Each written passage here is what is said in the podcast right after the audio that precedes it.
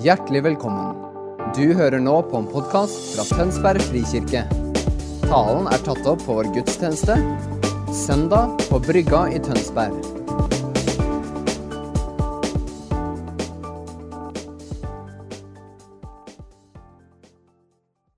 gleden av å fortsette på det som er eh, tematikken for en eh, periode nå, som er øh, å la Gud skrive denne historien og bruke våre liv. Og jeg har tenkt på i forbindelse med det, det å gi Gud rom til det. Og hvordan det ser ut. For jeg tror mye i livet er sånn ting vi kan tenke bra om, ha gode intensjoner om. Jeg har f.eks. mange gode intensjoner om å bli flink til å lage mat. Eh, For de kjenner meg godt, så vet de at det, det har ikke skjedd så mye på det området over mange år. Eh, Det står nesten ved status quo med disse nudler og Grandiosa-laging da jeg var ungdom. Og det handler om fordi jeg tenker jeg har en god intensjon, men jeg gjør ikke så mye med det. Eh, Jeg har ikke tatt så veldig mange valg for å komme videre på det området. Det bare, frem, ja, det bare er en sånn tanke. Det har vært fint å være flink til å lage mat. Eh, Det sto til og med på Halvors liste når vi gifta oss. Liksom, av. Det hadde vært flott om Birgitte var flink til å lage mat. Eller den han gifta seg med. Da. Den har han ikke kunnet krysse av. Det, det, det er greit. Han kunne krysse andre ting. Eh, Men det er endt som en god intensjon. Eh, Og jeg tenker det samme med å gi Gud rom. At det handler kanskje vel så mye om valg. Kanskje vel så mye om hva vi velger bort, som hva vi velger. Sånn at vi kan gi det rommet. Eh, Og det er Titus 3 som er fokus for den søndagen her. Kort tekst, så det blir ikke sånn fryktelig lang, den teksten. Ikke en tekst jeg har brukt masse tid på før, men selvfølgelig en tekst som er kjempeinteressant når man først lener seg inn i den. Og I det siste så har jeg hørt mye på sangen. Det er noen som har hørt sangen 'Goodness of God', spilt i det siste, kommet i fjor. Og Jeg tenkte på det i forbindelse også med i dag. Den ble spilt opp på bønnemøtet før vi starta her en sang jeg bare vil anbefale alle å, å skru på når de har tid. En sånn vitnesbyrd om Guds godhet. og Man bare kjenner et sånt nærvær i, i den sangen der. Med hvordan Gud har vært trofast. Ja.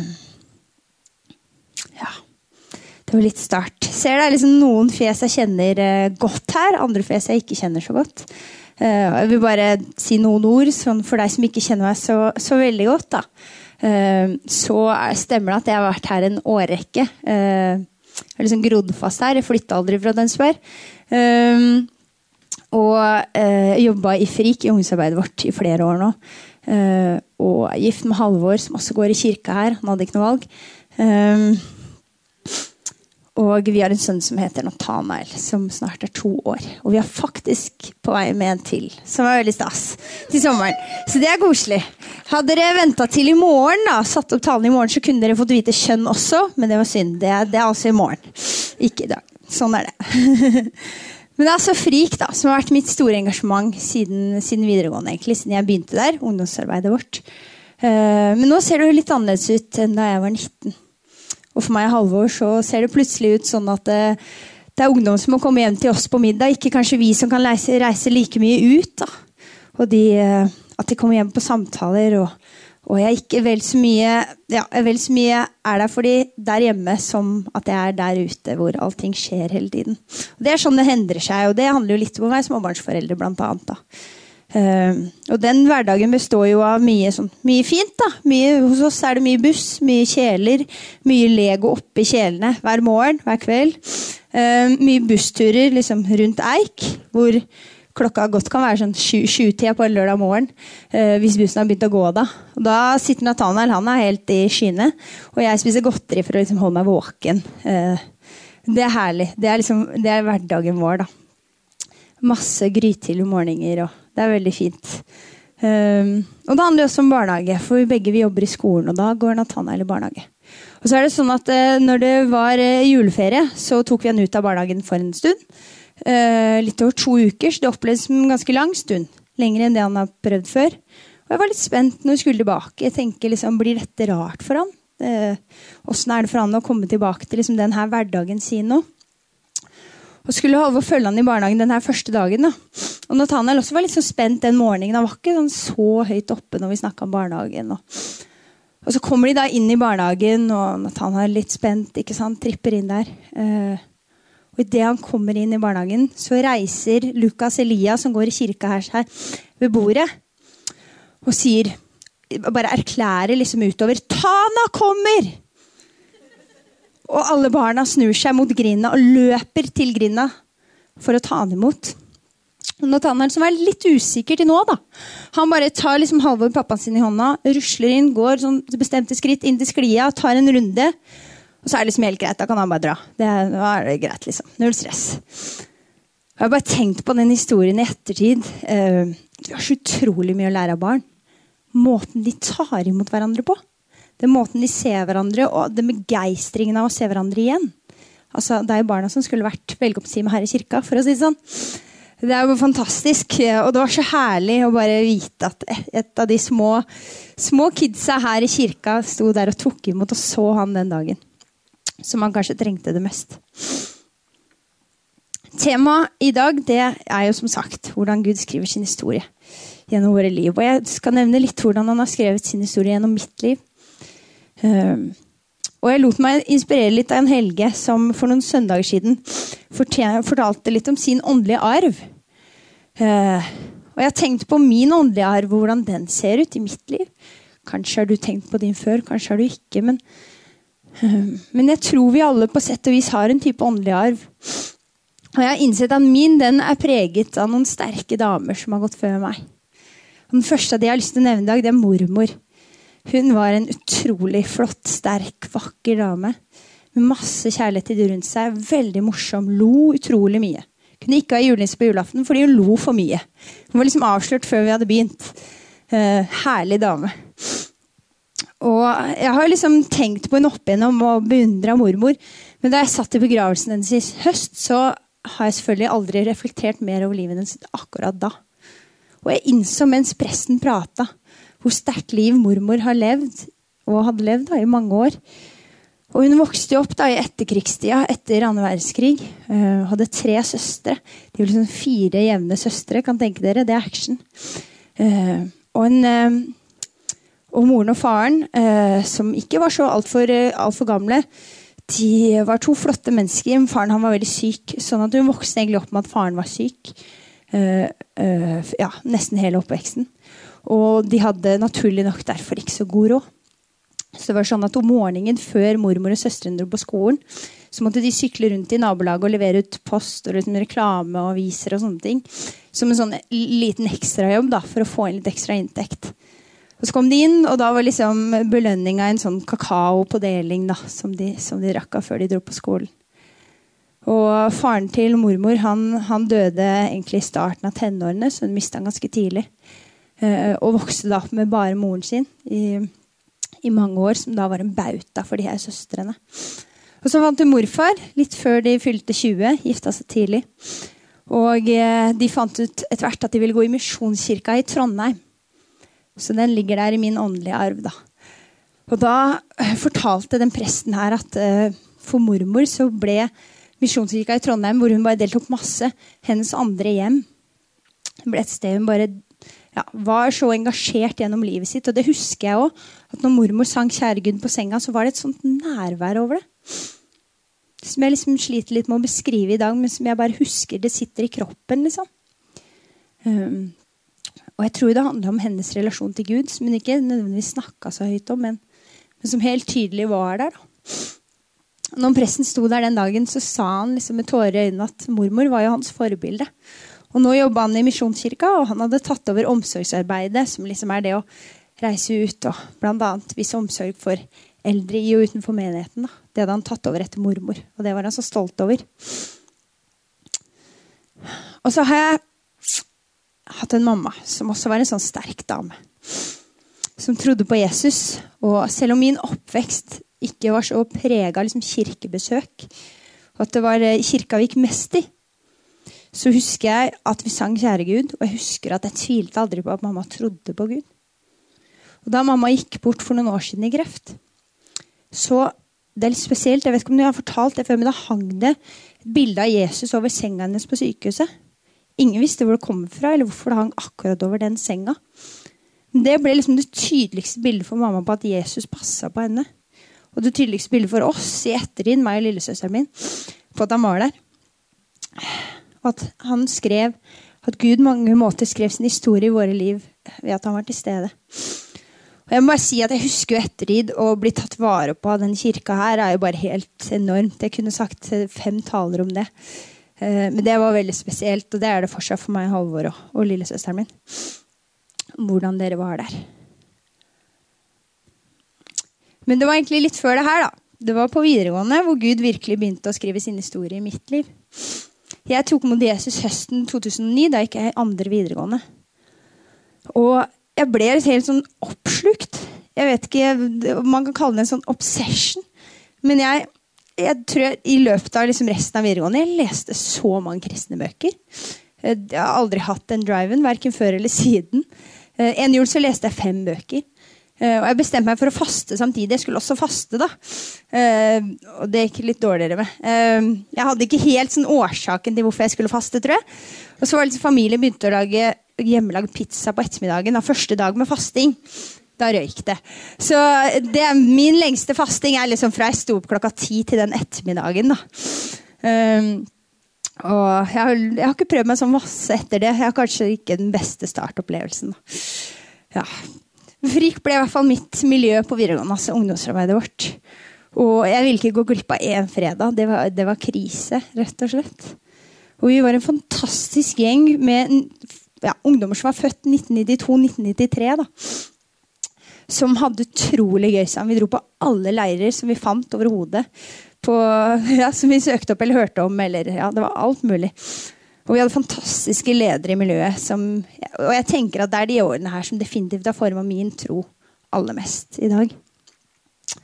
Og etter videregående så var det alt jeg ville. Være igjen i Tønsberg og jobbe i FRIK. Det var veldig få i min familie som skjønte hvorfor jeg ikke skulle studere, men for meg ga det kun mening å bli her og jobbe i kirka. Og, men jeg bestemte meg også for å reise litt i året. Det var jeg og Tine som også går her i kirka, datteren til Helen eh, Larsen, som, eh, som bl.a. hadde vært en fra vårt årskull. Og vi bestemte oss for å ta noen turer ut. Og den første turen den skulle være til USA, til Atlanta, på en konferanse som het Passion. Og Kristoffer, som var ungdomspastor da, han hjalp oss å planlegge disse turene. da. Og jeg husker vi gleda oss til Passion. Og det var veldig kult. Og Skulle på fest, stor festival. liksom. Sikkert en del mennesker der. Så kom vi over, og så hadde vi liksom den linken vi hadde inn til å liksom skulle få billettene våre. og sånn, Det var liksom navnet til Kristoffer, som skulle ordne seg og forskjellig. Og så husker jeg vi kom over til USA. og Landa i Atlanta, kom til det stedet her skulle være. Så var det bare så ekstremt mange folk der. Det bare var mennesker, var studenter, folk rundt vår alder, da, rett etter videregående, overalt. Og jeg bare tenkte, Vi følte oss bare så små. og Vi tenkte liksom, hvor skal vi, vi prøvde å gå til liksom, forskjellige som jobba der. Disse frivillige. Det var tusenvis.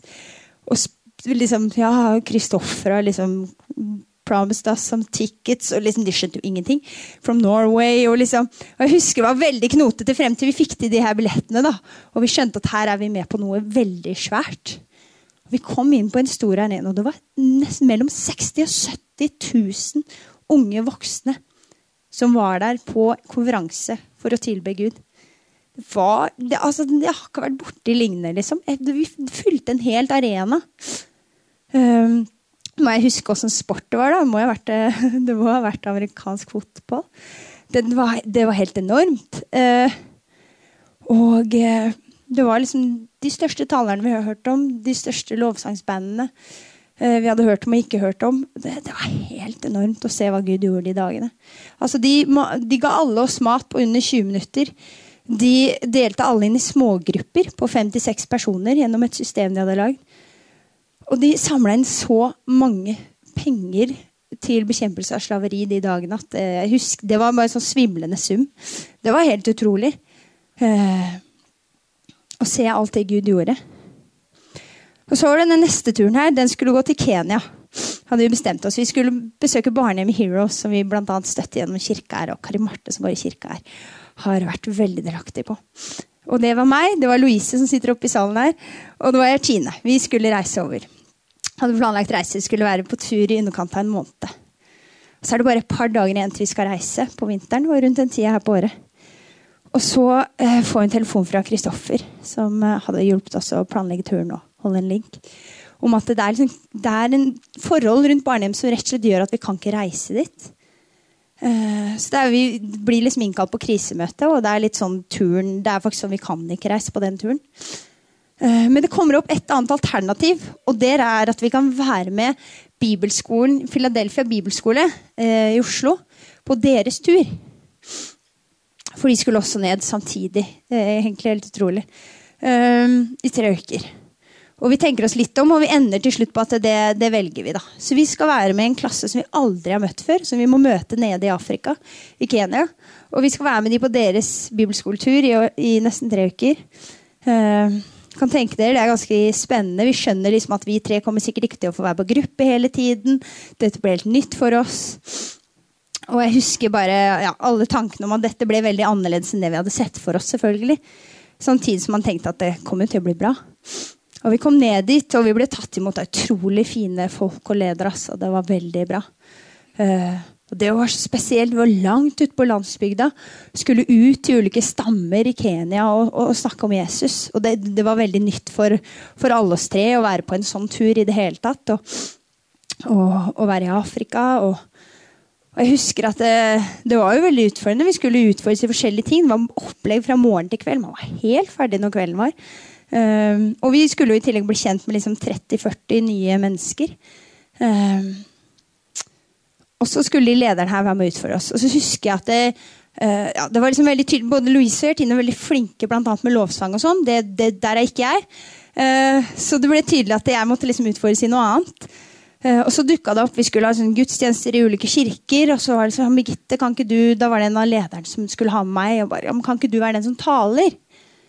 Uh, og jeg var vel sånn Ok, ja, ok, jeg tok utfordringen. Jeg skulle det. Og så husker jeg forberedte meg, og ja, det var liksom greit. Og vi kommer til kirka der. Og så, og så går jeg liksom bare inn, og jeg bestemmer meg for å snakke om, om, om hvor viktig det er å lese i Bibelen. Og jeg husker enda hvordan jeg kom inn i kirka. Det var som jeg aldri hadde gjort noe annet før. Gikk opp, liksom talte på afrikansk-engelsk, og de her afrikanerne jubla og liksom vinka litt. De er, de, er, litt annen sånn kirkestil enn det vi har, kanskje. Uh, det er mye liv. Uh, jeg bare talte på. Jeg husker at jeg hadde et eller annet manus, men det forsvant litt. Uh, og snakka til de her. Og, og, etterpå så gikk vi liksom ut, og både jeg og læreren og den gruppa som hadde vært med, var liksom, hva skjedde nå? Og skjønte bare at Gud har virkelig brukt meg. Det var så lite jeg hadde gjort, både i forkant av det og, underveis der. Det var bare plutselig Gud som kom og brukte meg. Og det sterkeste kanskje for meg ettertid, som ikke var så tydelig da, var for min historie med det å snakke på engelsk. Den er litt sånn, litt sånn plundrete. Uh, og da tenker jeg jo desto mer hvordan Gud brukte meg. fordi når jeg begynte på ungdomsskolen, så var jeg veldig dårlig engelsk. Jeg skrev min første tekst på ungdomsskolen, og læreren ga meg tre min. Og så sa hun Birgitte dette er en tydelig toer, men jeg gir deg tre min, sånn at du liksom har noe å jobbe med. Takk for det. det. Men det her er egentlig ikke en sammenhengende historie i det hele tatt. Ja, takk for det. Um, og så husker jeg at vi liksom fortsetter med engelsk, og vi skulle lese en bok. Jeg skjønte ingenting. Liten bok som vi skulle lese gjennom det året. Og jeg skjønte så litt av hva den boka handla om. Og når jeg leverte liksom tekster og ting, så det var så mye rødt. For jeg kunne jeg, ja, kjempehukommelse. Jeg kunne alle verb på rams og alle bøye de. Men jeg blanda alle tider. ikke sant? Så Det var, bare, det var rødt mellom liksom, På alle setninger hadde noe rødt under. Kan tenke dere, Det er, det er oppbyggende. Det er, det er bra. da går det bra med engelsken. Og jeg begynner på, på videregående, og øh, jeg er fortsatt ikke sånn kjempegod i uttale. Jeg husker til og med en gang så spurte engelsklæreren liksom, klassen hva er det Birgitte prøver å si. Prøvde å uttale et engelsk ord. Så var det liksom, kan dere være med å høre? Birgitte prøver å si et ord.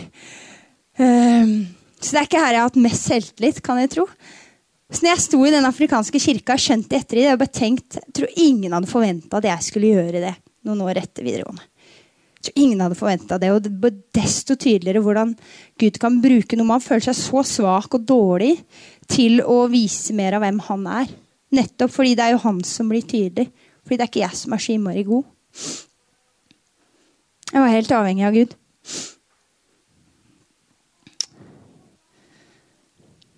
de neste åra så var det det har vært FRIK, det har vært Frikirka, det har vært Get Focus-deltakelse som har vært med å være viktige arenaer i mitt liv. Det å hele veien være med på noe større, det har liksom gjort noe med meg. Og Gud har aldri lagt noe annet enn Tønsberg på mitt hjerte. Jeg har bodd i en radius jeg er mellom Teie For de som er kjent, da, Teie på Nøtterøy, Husvik og nå på Eik. da. Det er den største radiusen jeg har bodd i. Det er ikke sikkert det ender i noe større radius heller. Det er ikke noe mål. Det er fint. Men det var sånn det med ungdommer kom, og blitt tydelig. og at jeg har skjønt at det, det er kallet mitt. Å se ungdommer følge Jesus og fortsette å følge han. Det har blitt mitt og Alvors livskall. Når jeg ble sammen med Alvor, så skjønte jeg det kanskje enda tydeligere. Eh, og det er ikke følelsen at det er vi som gir så mye, det er følelsen at vi får så mye tilbake. vet du. Det har trengt et uttrykk, og det tror jeg med så mye av det vi kjenner oss kalt til, at det trenger et uttrykk, og det må koste litt. Og For oss så har liksom uttrykket vært tanken om et åpent hus for ungdommer. Eh, ønsket om at vi skal besøke dem hver uke, at de skal ha vært innom hjemme hos oss hver eneste uke. Og at det skal handle om at eh, Er det fotballkamp, så er det en invitasjon inn til å, til å være sammen med dem. Ikke bare våre jevnaldrende venner. Uh, og når Halvor sa, liksom, Vi snakka om det når vi skal flytte litt større. sa Halvor her om dagen gitt, da vi ha liksom influensfest for ungdommene. tenkte liksom, yes, ja, det er akkurat det vi må ha. For den alderen mellom 13 til 19 år folkens, den er så crucial. Den er så sinnssykt viktig. Fordi akkurat de årene så tror jeg at så mange ungdommer ser på seg selv med alt annet enn kjærlige øyne.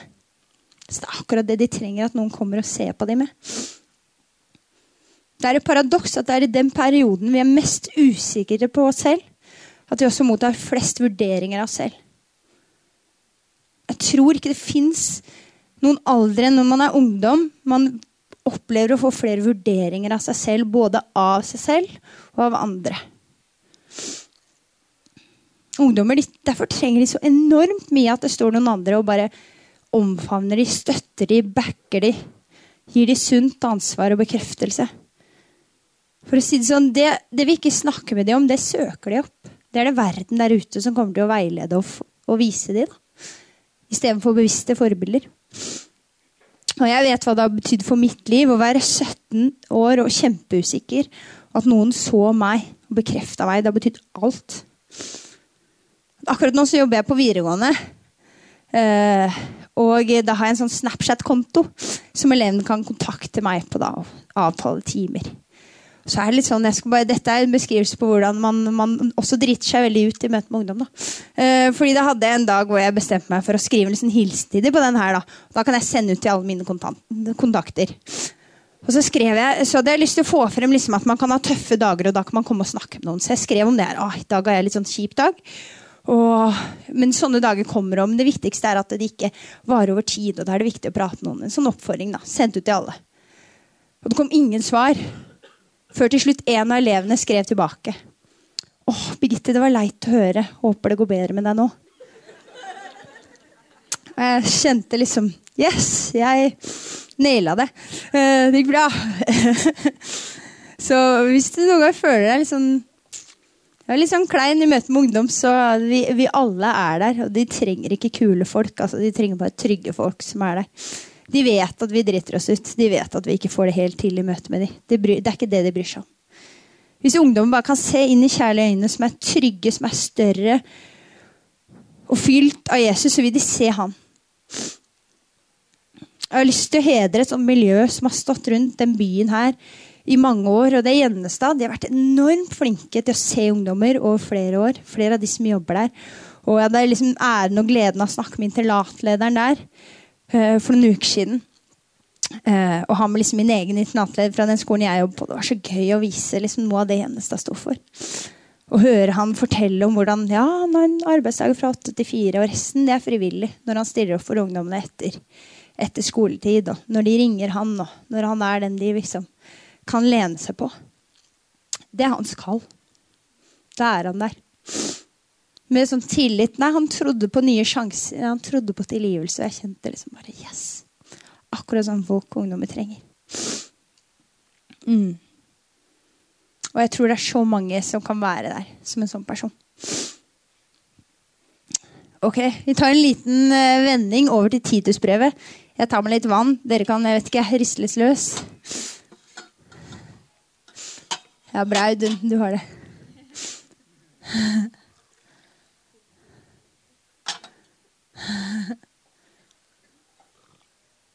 Jeg skal lese en gang til teksten som er for i dag. Men øh, Ja. Først skal jeg bare oppsummere kort, fordi øh, Titus ja, Brevet er skrevet for å hjelpe Titus i sin jobb som hyrde for kirken på Kreta. Det er jo Paulus som snakker til han. Han var en ung mann med stor tillit, men også et stort ansvar i det Paulus skriver til ham. Og Titus 3.1, litt før det her, da, den snakker bl.a. om det å være rede til god gjerning. I The Message, som er en, sånn, en engelsk oversettelse med litt sånn ganske hverdagslig språk, så sto det 'Always ready to lend a helping hand'. Syns jeg var fint beskrevet. Ikke snakke stygt om noen.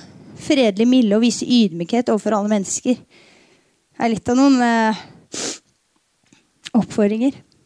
Og så står det her videre Titus 3, 4-7. Men da Guds vår frelsers godhet og kjærlighet til menneskene ble åpenbart, frelste han oss. Så jeg har prøvd å highlighte, for den er ganske lang. Kanskje noe av det jeg tenker var det viktigste her. Ikke på grunn av rettferdige gjerninger vi hadde gjort, men etter sin miskunnhet. Hvis det er én ting du skal huske fra teksten, så oppfordrer jeg at det skal være det. Ved gjenfølelsens og fornyelsens bad ved Den hellige ånd, som han rikelig øste utover oss ved Jesus Kristus, vår frelser, for at vi, etter å ha blitt rettferdiggjort ved Hans nåde, skulle bli arvinger ifølge håpet om evig liv. Det var en kort setning. Um, The Message, denne engelske oversettelsen, beskriver det slik. It was all his doing. We had nothing to do with it. He gave us a good bath, and we came out of it new people, washed inside and out by the Holy Spirit. Dette fokuset på at øh, det ikke er våre rettferdige gjerninger. Det er Hans nåde. Hans store nåde. Kan ta neste bilde. Som jeg syns var litt Ja, her er Jon Arne. Han er eh, sånn Gjennestad-bauta, vet dere. Les den her. Er ikke den fin? Hvis du tenker positivt hver eneste dag, jobber hardt, streber etter å bli den beste utgaven av deg selv, omgir deg inspirerende mennesker og aldri gir opp, så er det ingen grenser for hvor utmattet du kan bli. Vi må ha det her perspektivet tror jeg, i bakhodet. På at det kan bli innmari tungt hvis vi bare skal stå på i vår egen kraft. Et veldig godt poeng, som også Thomas Sjødin på mange måter toucher innom. Svensk pastor og uh, forfatter. Han har gjort det her til sitt livsmotto, og det går som følger. Du trenger ikke strekke til. Det holder at du er til. Alt utover det er en bonus. Vi skal ikke gi oss der og ikke forsøke å gjøre gode gjerninger. Men, jeg tenker vi må ha det som bakgrunn. Det må ligge der som et fundament. I Titus 3,14 så står det også eh, Også vårt eget folk må lære å legge vind på gode gjerninger for å være til hjelp der det trengs, så det ikke skal være uten frukt. Å legge vind på gode gjerninger og holde det høyt. Det er liksom helt veldig tydelig at Paulus highlighter gode gjerninger. Det å gjøre gode handlinger gjennom Titus 3. Han setter en høyt standard for det å leve som kristen. Men så peker han samtidig på den nåden som Gud har gitt oss til å gjøre det. Og at nåde er Guds kraft. Før vi gir livet vårt til Jesus, så kanskje er det sånn at det beste vi I beste fall så skriver vi vår egen historie. Og i verste fall så er det noen andre som skriver den, eller vi bare skriver litt på noen andres historie. Når vi tar imot Jesus, så kan Gud føre pennen med våre liv. Vi står, under nåden. Guds muliggjørende kraft som setter oss i stand til å gjøre ting vi ikke egentlig er i stand til å gjøre. I Galaterne 5.22 så snakker man om åndens frukter. Ja, Frukt blir nevnt her, ikke sant?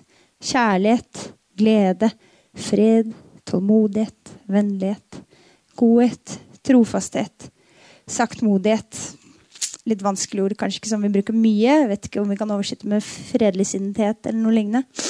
Og selvtukt. Selvdisiplin, kan man kanskje si. Jeg tenker at Grunnen til at Paulus ikke kaller det åndens muskler eller gjerninger, men åndens frukt, er jo fordi det skal få vokse fram i oss når vi har fått gitt livet vårt til Gud. Og la ham fylle det. Da skjer det ikke i vår kraft, men ved Hans nåde at Han som gjør det. Jeg vet ikke med deg, men jeg kjenner i hvert fall at når jeg prøver å tvinge noe frem i mitt liv, så går det veldig dårlig. Altså Jeg prøver å tvinge fram tålmodighet eller glede. Så går det så lenge jeg anstrenger meg, og så går det veldig dårlig når jeg blir, liksom, blir veldig lei eller sliten. Så detter det litt sammen. Å gjøre det i Guds kraft. Å gå til Gud i, i eh, Tror jeg er den store forskjellen. Jeg har lyst til å fortelle noen, eh, noen vitnesbyrd om noen gode handlinger. Er det greit? Jeg, det er jo annet ungdommene jeg lar meg inspirere av, så dere må høre litt historier om ungdommer. Sånn er det. Men jeg tror da, det her med vitnesbyrd Og vi snakker om gode gjerninger. Gode handlinger kanskje kan være et uh, ord som man forstår bedre, da. Uh, men jeg tror at både Det kan se så stort ut, det kan se så lite ut, men, men det vil alltid røre mennesker. Og det er nesten litt sånn smittsomt. Vet ikke, men du tenk, Hvis du tenker tilbake på sist noen gode, gjorde noe godt mot deg Man blir jo liksom ikke sint av det. Det er ikke sånn du tenker liksom, nei, nei, ikke gjør noe mer av det. Åh, nå fikk ikke jeg lyst til å gjøre noe godt mot noen. liksom. Det er jo heller det her at man kanskje får lyst til å gjøre det selv. Det kan jo se ut som at du ber for å oppmuntre kollegaen din når den har det vanskelig kan se ut som at du melder, melder på naboen til sånn godhetsoppdrag når det er sånn godhetsuke i kirka hvor vi skal reise ut og hjelpe folk i hagen. og sånn, Så melder du på den naboen som du har stått og snakka med et helt år. Men kanskje er det faktisk de samtalene du har med den naboen, som betyr aller mest.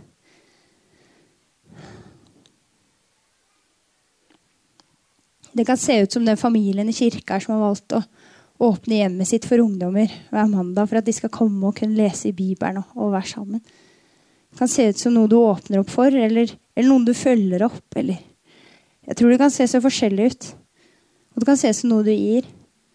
Det er en av ungdommene som, som kom i høst og, og fortalte meg og Halvor at uh, hun hadde fått høre om en uh, en flyktning. Det var et, i et, annet land som hun var på besøk. En flyktning, uh, iransk flyktning som hadde fått en gjeld ved å krasje uh, med trikken.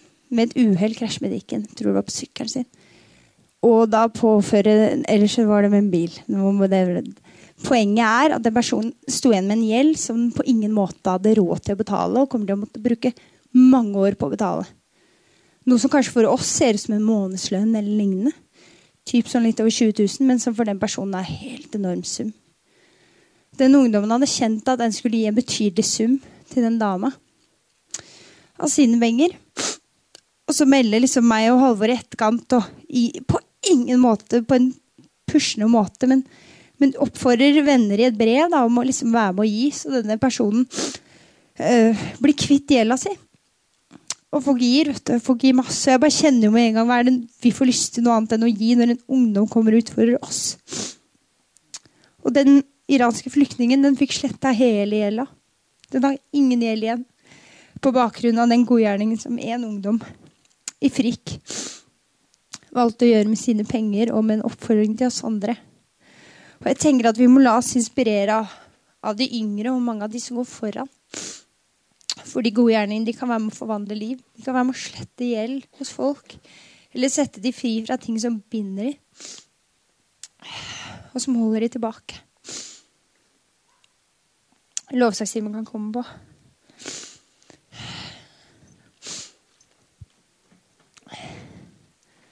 Og mye av tro for at vi betyr noe, selv om vi kanskje ikke alltid ser det. Og snakker høyt om deler liksom et kjempetydelig bilde av Jesus. At han allikevel virker gjennom oss. Jeg spiller fotball på, på Teie. På damelaget på Teie. Jeg har i gjort det gjennom fjorårssesongen. Så er det sånn at min form, etter å ha vært gravid blant annet, og generelt bare å blitt litt eldre, den har på en måte gått litt mer nedover. da. Uh, men jeg har vært med på laget, og det er sjelden jeg spiller en hel kamp. og sånne ting. Men jeg fikk vite på siste dagen i året at uh, jeg var kåra som på siste liksom, avslutningsdagen med fotballaget at jeg var kåra til årets spiller.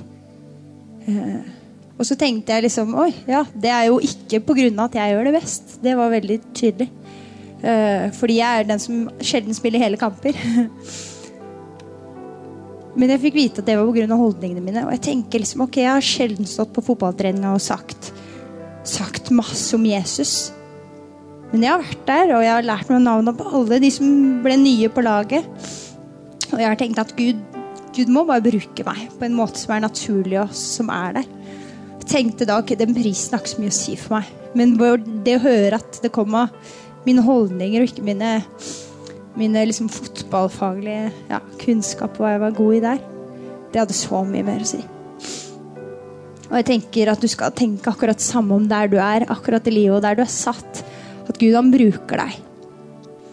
Han bruker deg for den ene. Ved å bruke tid med Jesus, bli fylt av han.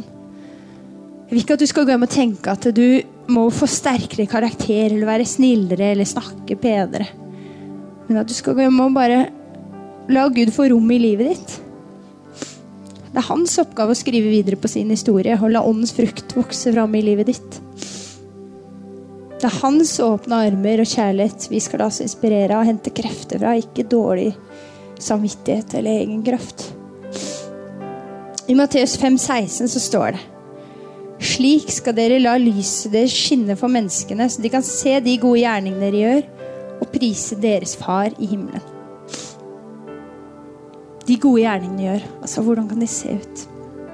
Kanskje er det ikke ungdommer som er engasjementet ditt. Kanskje er det eldre. De unge parene. De ensomme. De som har alt. De som har ingen. De som har vært syke i lang tid.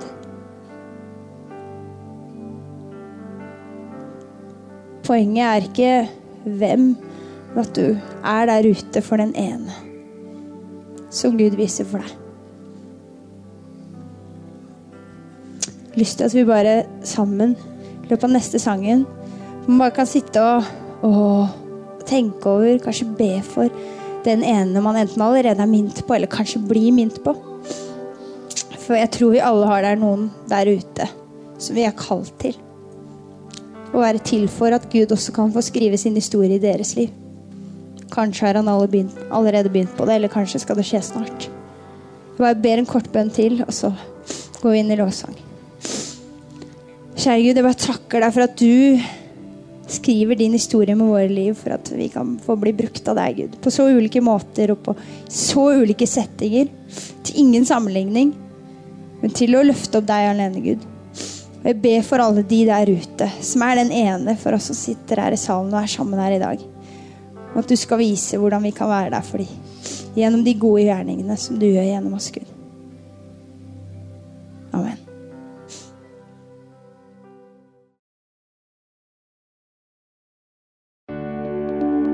For at du hørte på vår podkast. Har du spørsmål eller ønsker du å vite mer? Søk oss på vår nettside tonsbergfrikirke.no. Du er også velkommen til kirke på Brygga i Tønsberg.